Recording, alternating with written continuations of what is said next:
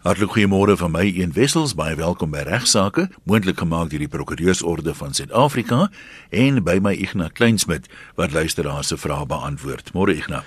Goeiemôre Jan, goeiemôre luisteraars. Goed voorreg om weer met u 'n klompie feite te deel uit verskillende hofsaake en skrywes van luisteraars en baie dankie dat u ingeskakel is.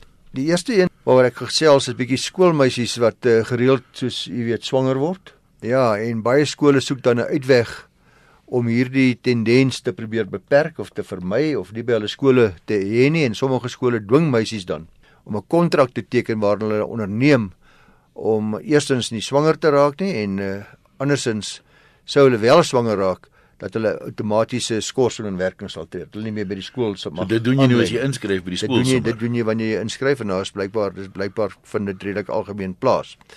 Nou kontrakte wat gesluit word uh, moet nagekom word. Dit is die ou pacta sunt servanda beginsel, maar terselfdertyd het die hof ook die bevoegdheid om so kontrakte verwerp indien dit teenstrydig is ons sê met konstitusionele waardes of contra bonus mores is teen die billike gevoel van die van die van die mense. Maar die meisie sal uiteraard nog minderjarig wees, so die kontrak word met die voog gesluit of hoe werk dit? Nee, die kontrakte word gewoonlik direk met die met die met die Maar is hulle handelingsbevoeg as jy nou 13 is en jy skryf in vir hoërskool? Ja, hulle sal sonder die toestemming van hulle ouers of bystand sal hulle nie sal so 'n kontrak klaar nie on, uh, nie afdwingbaar wees nie. Maar interessant dat die Hoë Hof van Zimbabwe in 'n saak, dis 'n saak waar die moeder wel geteken het mm -hmm. uh, saam met die dogter uh, is 'n saak van Mandi Zivitsa versus Chaduka NO en ander het 'n college van leerders vereis om 'n kontrak te teken voordat hulle kon inskryf waarin hulle toestem om van hulle studies te onttrek sou hulle swanger word. Die leerder in hierdie saak het in 'n gemeenregtelike huwelik getree en sy het na tweede jaar van studies swanger geraak. Die college het uh, van haar vereis om haar van haar studies te onttrek. Die leerder het in uh, toe die hof genader om hierdie bedrag ongrondwettig te laat verklaar en na toe te laat om eksamen te skryf.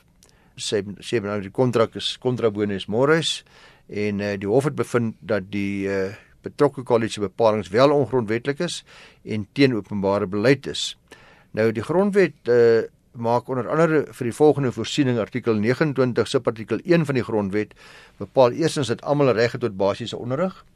Artikel 9 sub artikel 3 van dieselfde grondwet bepaal dat daar nie onregverdig teenoor enige party op enige grond gediskrimineer mag word nie. En artikel 5 sub artikel 1 van die skolewet maak voorsiening daarvoor dat leerders toegang moet kry tot publieke skole en toegelaat moet word om onderrig te word sonder enige diskriminasie.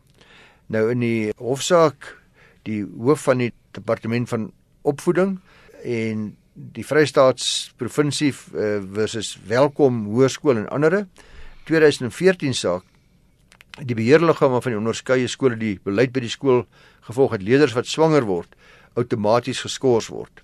Nou onthou hier is nou die beheerliggaam wat hierdie besluit neem. Beheerliggaam verteenwoordig die ouers ook. So die ouers neem eintlik die besluit as jy sê die beheerliggaam moet besluit of jy of ma en pa nou geteken het al dan nie. Dis nou besluit van die heer, vir reëls van die van die skool wat nou van toepassing is. In die Vrystaat uh, en Welkom Hoërskool geval is daar 'n geslaag in die Hof van Akwo om die leerder weer terug in die skool te kry en die skool was egter suksesvol in die hoof daarna met 'n interdik om die applikant te verhoed om in te meng met hulle beleid. Dis nou die applikant in hierdie geval is die hoof van die departement mm -hmm. onderwys in die Vrystaat. Die skole, soos ek sê, was suksesvol in die hof want die appelhof sê julle jy direkteur-generaal of hoof van departement, hoof van onderwys mag nie inmeng nie. Hy het toe na die konstitusionele hof uh, geappeleer en die grondwetlike hof het in die eerste plek bevind dat die beleid tussen leerders onderskei en diskrimineer op basis van swangerskap en op grond van geslag. Die artikel 9 wat ek nou nou vir u gelees het, wat sê dit mag nie gebeur nie. Die hof het ook bevind dat so beleid soos wat die hoërskool gehad het, inbreuk maak op leerders se reg tot basiese onderrig.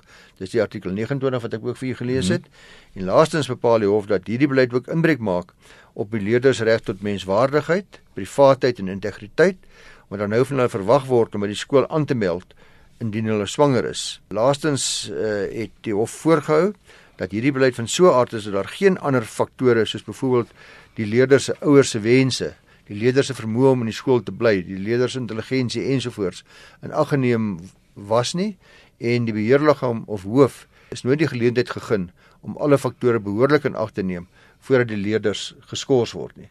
So is 'n suiwer net 'n reeltjie wat sê swanger is word jy geskort. Niks word verder word in aanmerking geneem nie. Die hof sê dis onaanvaarbaar. Hy sê so beleid neem nie die kind se beste belang in ag nie en die beleid word deur die konstitusionele hof as ongrondwetlik bevind. In 2007 luisteraar het het die na daar nasionale maatreëls vir die voorkoming en bestuur van leederswangerskappe tot stand gekom wat die regte van swanger leerders behoorlik probeer beskerm en hierdie beleid bevestig dus in die skole maatreëls dat die grondwet hof regte van swanger leerders moet beskerm of sal beskerm en en bevestig die beskerming en dat daar nie teen hulle op enige wyse gediskrimineer mag word nie. So die 2007 maatreëls spel dit uit dat leerders toegelaat moet word om in die skool te bly terwyl hulle swanger is en toegelaat moet word om terug te keer so gou as moontlik na geboorte. So die skool moet swanger leerders se reg tot basiese onderrig akkommodeer. Dit mag nie onderbreek of beëindig word as gevolg van swangerskap nie. So uiteindelik na die hofsaak en in die lig van die nasionale maatreëls van toepassing op skole, is dit baie duidelik dat die kontrak waarin partye dus ooreenkom, dis nou met of sonder ouerlike goedkeuring dat leerders outomaties geskort word is altyd ongrondwetlik en teen openbare beleid. Verder meer behels hierdie beleid dat swanger leerders mag voortgaan met hulle basiese onderrig uh, en dan mag nie op enige wyse teen hulle gediskrimineer word nie. Wat sou die die skole se oorspronklike rede wees as dit maar hulle beeld word sekere dinge geassosieer met 'n swanger skoolmeisie losbandigheid ja. of so iets want ek kan my nie indink dat sy noodwendige impak sal hê op ander leerders se vermoë om te leer nie. Sy sit nou ja. met haar boepie Soos ek die soos ek die hofsaak verstaan daarvan Ian is die hoofrede van skole wat so beleid het is eerstens om seker maak dat dit 'n afskrik as afskrikwaarde dien vir uh mm -hmm. vir vir die moontlike swangerskappe. Natuurlik tweedens is daar sekere mate van ontwrigting uh as gevolg van die swangerskap uh en afhangende van hoe dit beheer word deur elke aparte skool en skoolbeheerraad en onderwys mag dit ook groot verleentheid skep vir die swanger persoon.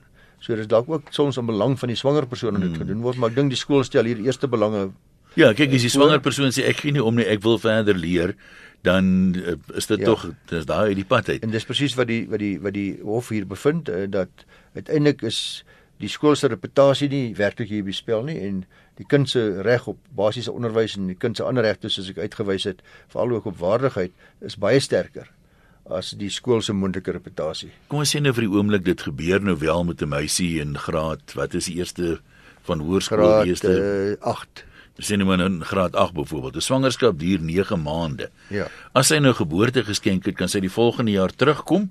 Sy is nie meer swanger nie, sy is nou 'n moeder. Uh of het, of sal dieselfde argumente geld, want jy kan tog nie vir haar ja. sê jy kan nooit weer skool gaan nie. Dit klink dan Nee, presies dieselfde argumente geld. Onthou nou hierdie hof het nie gesê hierdie hof en hierdie bepaling in die beleid spesifiek dat hulle moet soos gewone leerders gehanteer word. So wanneer hulle terugkom, moet hulle toegelaat word om onmiddellik terug te kom sodra hulle voel dit is uh, weer gepas en hulle gesondheid laat dit toe. Goed, ons uh, kan nog een inpas in uh, deel 1 van vandag se program. In die saak van Abrams teen die padongelukke fonds in 2016, einde van 2016 saak in die Wes-Kaap, is die hof versoek om te beslis of 'n bestuurder van 'n motorvoertuig vergoeding van die padongelukke fonds kan eis gebaseer op die bepalinge van artikel 17 subartikel 1 van die wet, dis nou die padongelukke fonds wetgewing onder die omstandighede wat daar geen ander voertuig betrokke was nie. Nou die eiser is beseer in 'n enkel is meneer Abrams. Hy is beseer in 'n enkel voertuig ongeluk as gevolg van 'n wiel wat gebars het. Hy het beheer verloor, dit het gerol en die pad ongelukfonds het sy eis gerepedieer en hulle 'n spesiale pleit in gevolge waarvan hulle sê dat hulle nie aanspreeklik is vir enige beserings wat Abrams opgedoen het nie want dis nie veroorsaak deur 'n nalatige of onregmatige handeling van 'n ander bestuurder of ander eienaar van 'n ander voertuig nie. In artikel 17 se artikel 1 van hierdie wet waarop hulle staat maak bepaal onder andere dat die padongelukke fonds aanspreeklik is om enige persoon, is nou sê maar enige derde party, te vergoed vir verlies van skade weens liggaamlike beserings wat veroorsaak is op voorspruit uit die nalatige bestuur van 'n motorvoertuig indien sodanige beserings veroorsaak is deur die nalatige of onregmatige optrede van 'n bestuurder of eienaar van so 'n voertuig. Dit bepaal verder dat die padongelukke fonds slegs aanspreeklik is indien 'n eiser se beserings veroorsaak is deur die nalatigheid of onregmatigheid van 'n bestuurder of 'n eienaar van 'n motorvoertuig. So dit lyk as jy dit sou lees of daar 'n ander voertuig betrokke moet wees. Die vraag is nou of eiser ook kan eis van die padongelukke fonds in omstandighede waar hy of sy beseer is in 'n enkel voertuigongeluk, met ander woorde, geen ander voertuie nie, en waar die ongeluk na bewering veroorsaak is deur nalatigheid of onregmatigheid van die eienaar van daardie voertuig. Kom ons sê byvoorbeeld die eienaar het die bande behoorlik nagegaan nie of hy kon hy kom tyds mm, mm. uh, ongeluk vermy het as hy beter bestuurder was. Regter Sali Sloppe bevind dat die padongelukke fonds nie aanspreeklik is vir die eiser se skade nie aangesien sy beserings voortspruit uit 'n enkel voertuigongeluk en geen ander voertuig of bestuurder of eienaar betrokke was nie en hy maak staat hier op artikel 17. Nou die regter bevind dat die eienaar van die betrokke voertuig in die Eybrome saak wel nalatig was en dat die eiser gevolge die gemeenereg wel 'n eis het teen die voertuig se eienaar. So die slotsom waartoe die hof kom en Abrams is gevolglik dat die padongelukke fonds nie aanspreeklik is as gevolg van die bepalinge van hy wet nie, maar dat die eienaar van daardie voertuig nalatig was en dat die betrokke bestuurder, die eiser wat nou die kar gerol het, wel moontlike eis teen die eienaar van daardie voertuig mag instel in gevolg die gemeenereg. Ja, iets wat uh, vir ons almal na in die hart lê is renoster stroopry en dan is daar lang uitgerekte debat oor hoe moet renosterstropery beperk word en uh, is dit wettig om renosterhoring te verkoop en moet dit gewettig word al dan nie. Ag u ken al die argumente luisteraars maar die verbod te behandel vir renosterhorings was geïmplementeer gevolg artikel 57 subartikel 2 van die wet op nasionale omgewingsbestuur biodiversiteit wet van 2004 wat eers in werking getree het op 13 Februarie 2009 Creer en Hume twee litigante het die wetsbepalinge in 2012 uitgedaag. Hierdie bepalinge van artikel van hierdie betrokke wet nasionale omgewingsbestuur biodiversiteit en was uh, ook ondersteun deur die Wildlife Ranging South Africa as ook die Private Rhino Owners Association van Suid-Afrika so die privaat renoster eienaarsvereniging en ook uh, wildsboere vereniging het hierdie hofsaak ondersteun waar hulle vra dat uh, renoster horing se onwettige handel opgeperk moet word. Gedurende 26 November 2015 het die Hooggeregshof die verbod op binnelandse handel van renosterhorings tersyde gestel met onmiddellike en terugwerkende effek waarna die minister vir verlof tot appel gevra het en dit aangeteken het en beide die Hooggeregshof sowel as die appelhof het die minister se aansoek van die hand gewys en daar's geen rede vir die beslissings gegee nie. Die minister het toe aansoek gedoen by die konstitusionele hof vir appel op hierdie besluit en waarom dit verwerp was en op 5 April 2017 is ook hierdie aansoek van die minister van die hand gewys.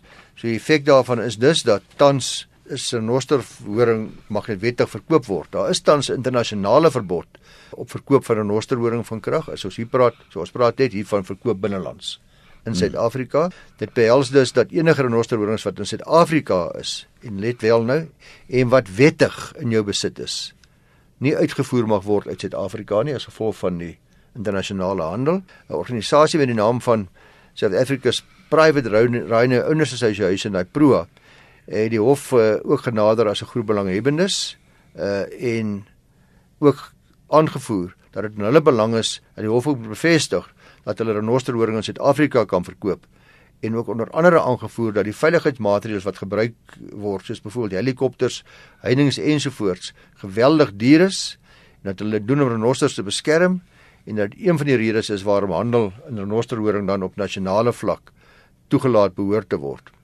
Nou in die hofstukke is daar onder andere ook aangedui dat daar meer as 6500 renosters in Suid-Afrika private besit is. Dis ter, terloops eh, net vir noem blykbaar bykans 40% van die totale renosterbevolking in Suid-Afrika is in privaat besit. Pro het ook by monde van hulle voorsitter meneer Pelham Jones aangevoer dat hulle lede saam waarskynlik ongeveer 6 ton renosterhoring in voorraad het, dat die staat ongeveer 25 ton renosterhoring in voorraad het in Suid-Afrika. Nou hierdie renosters se totale waarde van die horings is ongeveer 2 miljard rand, 2000 miljoen rand. Nou die hof het eerstens bepaal dat die verkoop van renosterhoring in Suid-Afrika goedgekeur kan word, nie die uitvoer daarvan nie, maar uh, let wel nie die uitvoer nie maar net die handel daarvan in Suid-Afrika met sekere beperkings en die departement van omgewingsake het appel daarteen aangeteken. Vroeër vanjaar uh, op die 5de April dan het die hof hierna gekyk het uh, hierdie appel aansoek teen die opheffing van die moratorium uh, verwerp en gevolglik luisteraars is dit nou duidelik dat renosterhoring wettiglik in Suid-Afrika verkoop kan word. Praat duidelik nie hier van horings wat onwettig gestroop is nie of sogenaamde bloedhorings nie, maar net van horings wat wettig per permit besit word. Yes, ek kan nie glo dis so die waarde daarvan is so baie nie, né? Ja, is ongelooflik waardevol. 2 miljard rand, nou ja, ja toe. Ja, dan het ek 'n uh, stukkie wat ek wil voorhou wat voorspel uit 'n hofsaak naamlik Potgieter en Olivier teen 'n ander is ook teen die einde van 2016 gerapporteer en dan maar met die vraag of ek as kredietverskaffer geregistreer moet word as ek net 'n een eenmalige transaksie het. In hierdie geval was die feite dat meneer Potgieter verkoop sy vaste eiendom aan die verweerders. Uh, hulle is meneer en mevrou Olivier, skriftelike ooreenkoms, hulle moet miljoen rand betaal, kontant maandelikse paemente ensovoorts maar die eiser kom en hy beweer nou hy wil nou nie meer verkoop nie. So hy met die koue voete, hy hy, hy wil die ooreenkoms ongeldig laat verklaar en hy sê dat die ooreenkoms is ongeldig weens die feit dat hy nie as kredietverskaffer geregistreer was in terme van die nasionale kredietwet nie. Dit is nou op die stadium van die aangaan van die verkooptransaksie en hy sê die hof moet dus die ooreenkoms nietig laat verklaar. Die verweerder sê weer dat die eiser onder geen verpligting was om so te registreer nie, is 'n eenmalige transaksie en uh is 'n uitgemaakte saak dat die hierdie ooreenkoms wel 'n kredietooreenkoms is soos bedoel in die nasionale kredietwet. En in sy uitspraak verwys die hof na die saak van Friends versus Sendal waarin daardie hof beslis het dat eh, die vereiste om as kredietverskaffer te registreer nie van toepassing is op 'n een eenmalige once-off transaksie nie, maar dat dit eerder op persone gemik is wat in die kredietmark aktief is. So die hof bevind dat die eiser nie betrokke was in die besigheid om geld uit te leen in die kredietmark nie. Dis nie normaal. Sy is nie 'n besigheidstransaksie nie. Dat hy dus nie verplig was om as kredietverskaffer te registreer nie en dat die ooreenkoms tussen die partye gevolglik nie ongeldig was nie. So hierdie uitspraak, dis 'n Gauteng uitspraak, sê dus dat dis nie 'n vereiste om as kredietverskaffer te registreer by eenmalige transaksie nie. Uh die vorige hofsaak wat so gesê het, is ook 'n Gauteng hofsaak. Ons wag definitief nog hier op appelsake luisteraars, eh, maar intussen sou ek as ek uh, enigstens in so 'n situasie is, maar liewers registreer. Bloot vir veiligheidsdoeleindes, alhoewel ons 'n uitspraak in twee provinsies in een provinsie nou al het, wat sê dis nie nodig in 'n enkel geval nie. Ek wil my herinner, maar ek het nie nou die detail in my kop nie dat ons 'n paar maande terug gepraat het ja, ja, ja. oor iemand wat geld geleen het aan iemand anders meer as 500 000 rand of so iets en daar was toe met die met die terugeis van die bedrag was 'n een of ander probleem. Ek kan nie nou die detail nee, onthou nie. Presies, jy onthou baie goed, ja, maar dis in daardie geval die drempel te loop is 500 000 rand as jou transaksie meer as 500 000 rand is en in daardie geval is gesê dat daardie transaksie was ongeldig omdat daar nie registrasie was by die aangang van die transaksie as kredietverskaffer nie. So anders as hierdie hierdie twee Gauteng sake gee ander uitspraak. Ja. Dis sê dis vir my nie. En dis presies waarom ek sê ons wag 'n bietjie vir 'n hmm. appel of uitspraak om te sien uh, wat by hele Suid-Afrika van toepassing gaan wees. Tans in Gauteng is hierdie twee sake geldig en en bindend, maar ons wag vir 'n appel of saak. Ek is oortuig daarvan dat daar sou 'n appel hierin aangeteken wees en dan gaan ek dit weer met u bespreek as dit wel 'n uh, finaal bereder word. Ek dink ons kan nog uh, ene inpas in uh, vandag se program.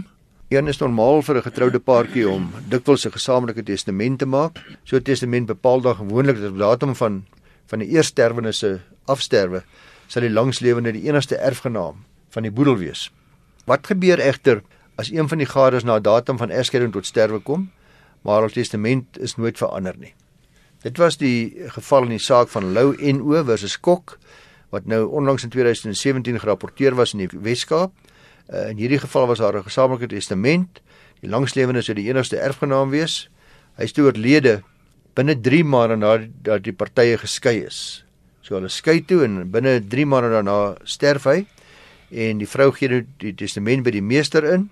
Hy kyk in die testament, hy aanvaar dit nie van wie die statutêre bepaling wat artikel 2 hoofletter B van die wet op testamente skep.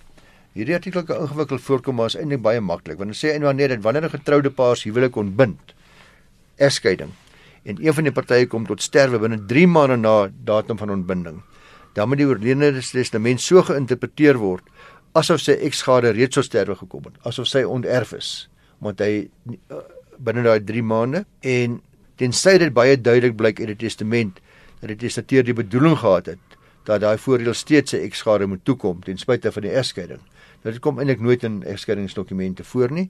Uh, met ander woorde as jy binne 3 maande na jou egskeiding sterf, gaan jou vrou niks erf nie. Maak nie saak wat die testament sê nie, behalwe as jy uitdruklik in jou testament gesê het dat sy erf al het jy binne 3 maande gesterf. In die Lou saak het die vrou toe 'n saak teen die meester en eksekuteur van haar man se boedel gemaak. Sy wou die meester dwing om hierdie testamente aanvaar waarin sy erf, alles erf. Die vrou het aangevoer sy steeds geregtig omdat sy in terme van die testament die enigste erfgenaam was. Daar geen getuienis was wat daarop dui dat testateur se bedoeling was dat sy nie moet erf nie. Uh indien hulle sou skei nie. Die hof wys egter tereg dat dit juis vir hierdie spesifieke geval is waarvoor artikel 2 hoofletter B voorsiening maak. Die bedoeling moet duidelik uit die testament blyk, anders as hy binne 3 maande tot sterwe kom, dan word dit geag dat hy haar onterf het. As hy na 3 maande nog leef en nie sy testament sou verander het nie, dan sou daardie testament weer geldig wees totdat hy 'n ander testament maak. Ek het 'n gevoel dit gebeur nogal redelik gereeld dat mense sloer en sloer en sloer nie 3 maande gaan verby en dat die die verdeling van die boedel dan baie anders verloop as wat die oorledene sou wou gehad het. Ongelukkig is die antwoord ja, dit gebeur nogal redelik. Dit is ongelukkig so dat uh mense die meeste mense versuim om dit testamente te verander as deel van die egskenningsproses of onmiddellik daarna. Kom ons sê net weer vir mense dat as jy 'n program gemis het of jy wonder of ons al oor iets gepraat het, dan kan jy na die pot gooi gaan luister. Jy gaan na RSG se webwerf toe, rsg.co.za. Klik daar bo in die bladsy so redelik aan die linkerkant op pot gooi en dan gebruik jy regsaake as sleutelwoord en as jy hom gaan soek, dan sal elke program daar wees die jongste een bo so jy kan weer daarna luister of jy kan dit um, aflaai op 'n CD sit of op 'n stokkie as jy graag sou wou. Ek nou kan ongelukkig nie direk betrokke raak as prokureur by mense se regsprobleme nie. Ons gebruik jou vrae as bemagtiging vir die breë publiek. So jy's baie welkom om dit vir ons te stuur en jy kan sommer direk vir Ignas stuur Ignas by ffd.co.za. Dis sy adres. Ignas, sê vir jou baie dankie, ouer gewoonte. Ja, baie dankie Ian en ook uh, groetnis aan al die luisteraars. Ons praat volgende maandag weer.